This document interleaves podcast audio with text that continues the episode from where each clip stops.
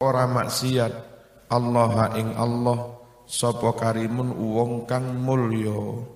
Ai tegese kari hamidul fi'al. Wong kang pinuji kelakuani lakuni wa huwa wong sing mulya iku sapa man ya iku wong. Yukrimu nafsahu yang memuliakan dirinya. Terhormat punya harga diri bitakwa kelawan ngelakoni takwa. Wabil ihtirasi lan kelawan ngrekso ngrekso ngedoi anil maasi sangking piro-piro maksiat. Wala asarat dunya alal akhirah hakimun. Wala asarat tidak mungkin lebih mengutamakan ad-dunya ing dunyo alal akhirati ngalahne akhirate sapa hakimun orang yang bijak. Orang itu kalau bijaksana orang mungkin ngutamakne dunyane ngalahne akhirate dia tahu dunya iku sak suwe-suwene 80 90 tahun. Akhirat selawase. Ngoten? Mboten kira. Donya paling mek kurang nglegakne anak nglegakne bojo gawe marme atasan ngono ae gawe legone nafsu tapi lek ning swarga diridhoi Gusti Allah bareng Kanjeng Nabi. Wong sing bijaksana temenanan tidak mungkin mau kehilangan Allah tidak mungkin mau kehilangan syafaat Kanjeng Nabi enggak mungkin enggak mau kehilangan surga mungkrono ngutamakne donya. Ayat tegese la qaddamaha orang diseake ing donya wala faddalaha. Lan orang ngutamaake ing donya alal akhirati atas akhirat hakimun wong kang bijak sana. Sapa bijaksana ayat tegese musibun. Orang yang senantiasa tepat jitu fi af'alihi dalam perbuatan-perbuatannya. Sewingi perbuatan dan uca ucapan. Wa utawi wong sing bijaksana man yo iku wong yamna ukang nyegah nafsahu ing awake dicegah teko apa min mukhalafati aklihi salim nulayani menentang akal sehatnya Wong bijaksana itu orang yang menjaga, mencegah dirinya jangan sampai menentang keputusan akal sehatnya.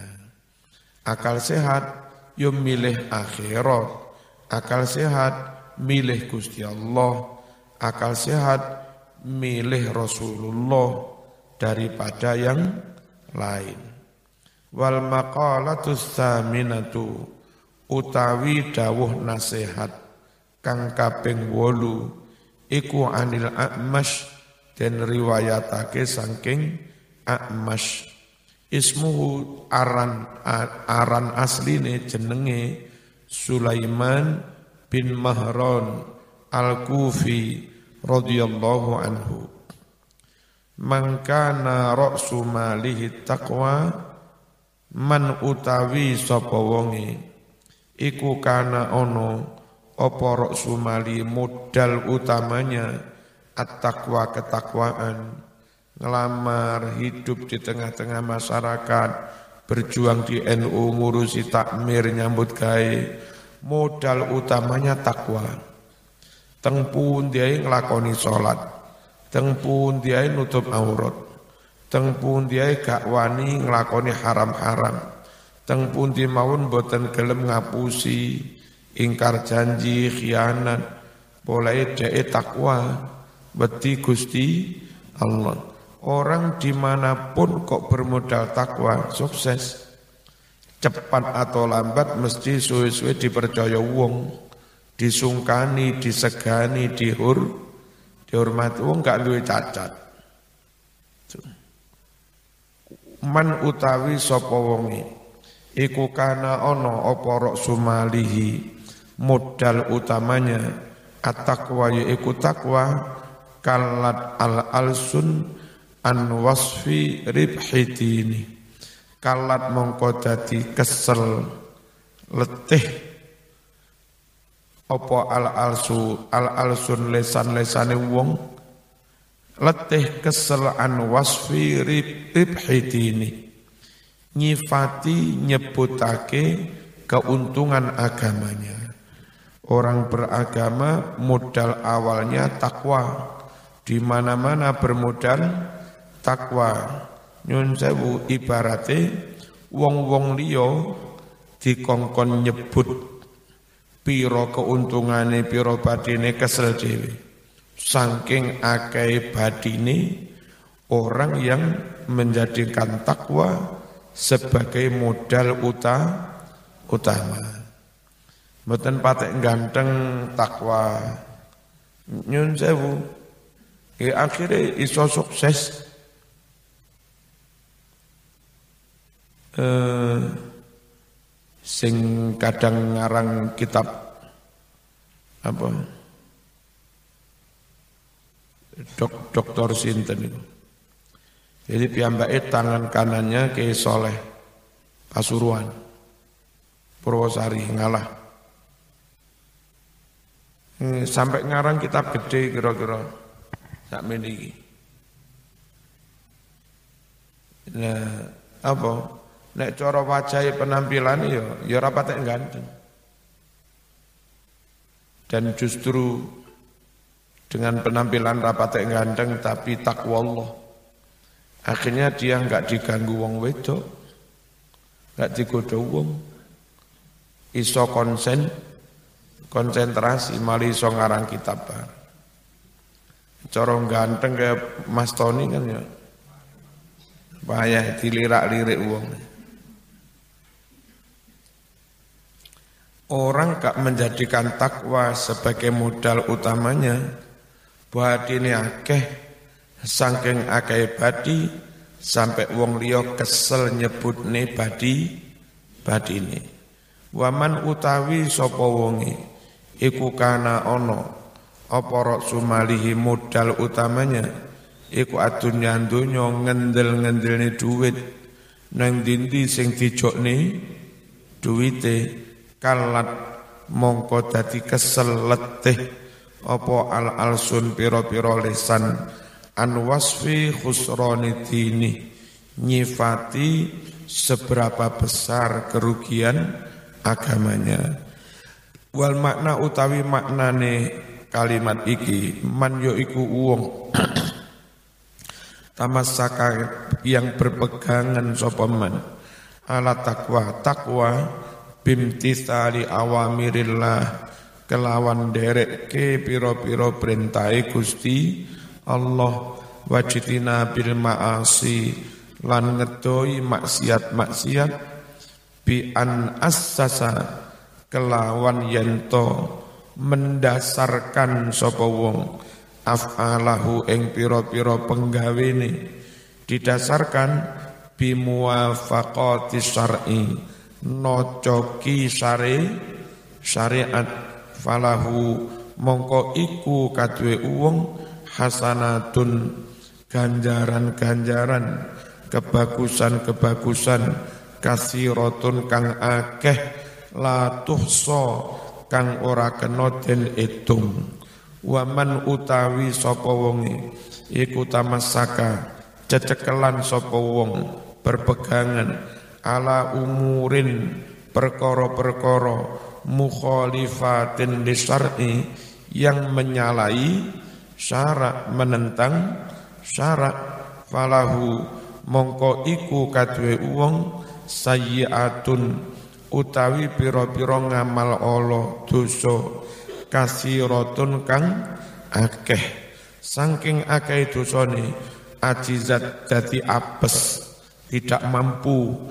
Al alsunu pira-pira lesan ang zikri zalika nyebutake mengkono-mengkono kebagusan sing akeh bagi wong sing takwa nyun sewu dosa sing akeh bagi wong sing menyalahi syarat. Bil adati kelawan hitungan. Wal maqalatu tasi'ah utawi dawuh nasihat kang kaping songo.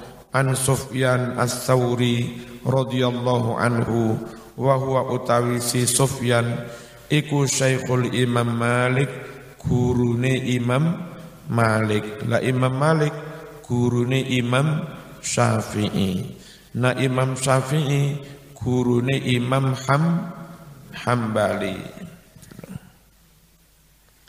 Kullu maksiatin utawi saben-saben kemaksiatan nasyiatin yang muncul timbul an syahwatin saking nafsu pingin lapo terus suwe-suwe gendaan ya itu nyun sewu istighfar tobat itu sik gampang. Nah sing gak gelem tobat itu maksiat yang muncul dari kesombongan. Rumongso paling bener, rumongso paling top, rumongso keturunan sopo.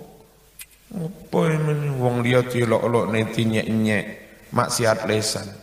Jangan harap bisa bertaubat karena rumongso perbuatan itu benar dia. Ngilok ini wong dikira bener. Ngilok-ngilok ini Jokowi dikira bener krana rumongso dhek paling bener. Sing kono salah. Jadi kemaksiatan itu kalau timbul karena nafsu ngono tok, dijak tobat sik gampang. Bocah mlebes-mlebes waleh mlebese dijak insaf tapi lek wong sombong murumongso paling islami dhewe paling bener dhewe paling sunah dhewe. Niku dijak lek dijak mandek angel. Geng gengsi baru. Kullu maksiatin utawi saben kemaksiatan nasiatin kang cukul an syahwatin saking nafsu nuruti senenge nafsu. Ayat tegese istiaqin nafsi kepingine nafsu ila syai'in kepada sesuatu. Fa innahu sungguhlah yurja bisa diharapkan ghufranuha diampuninya maksiat tadi. Ay maksiat. Tapi kullu nafsin sab kullu maksiatin saben maksiat nasaat kang cukul an kibrin sangking sifat som sombong apa sombong? Ai wal fadli rumong soluweh unggul. Ngaku-ngaku klaim dirinya lebih ung unggul lebih ngetop. Mari ngono ngenyek wong ngilokne wong. Fa innahu sungguhlah la yurja tidak bisa diharapkan.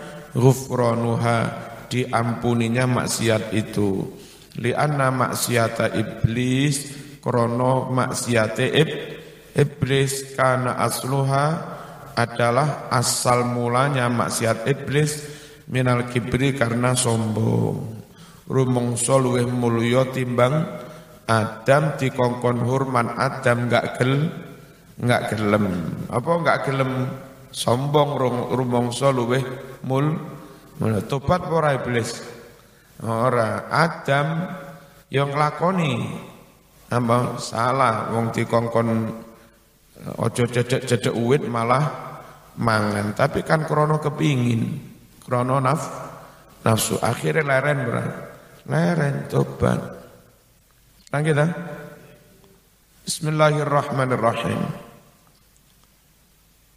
Fa innahu sungguhlah layurja tidak bisa diharapkan ghufranuha diampuninya maksiat itu. Li anna maksiata ibnu e, maksiat iblis itu minal kibri krono sombong. Yasumu dia klaim annahu bahwa dirinya khairun lebih baik min sayyidina Adam daripada Nabi Adam. Wali anna zallata sayyidina Adam dan karena kesalahan Nabi Adam alaihi salam karena asluha minas syahwah asal mulanya dari syahwat. Bisa babi istiakihi krono sebab kepingine Adam kepingin ila dauqi samroti syajarati syahwat. Ngicipi buah khul buah wit khuldi syajaratu syahwat. Yang itu sakjane dilarang. Mikir jere iblis apa kon ngerti kon dilarang? Dilarang boleh enak. Enggak enak enggak kira di larang encen iblis yang bedik bisa. Al-manhi anha yang sejatinya itu dilarang. Wis bocah-bocah pondok jamaah orang oleh sombong. Nggih. Buah jadi keturunan kiai, keturunan tukang becak, apa rumongso dadi keturunane Kanjeng Nabi, keturunane Kenarok, ya kabeh mau tercipta dari mani. Tercipta dari mani. Sa api-api e bibit. Lek enggak diupain enggak diupaini sing apik ya tetep elek. Suwali e najan bibit rada elek enggak patek bermutu. Tapi lek ngopeni temen temenanan suwe-suwe ya iso dadi apik. Yes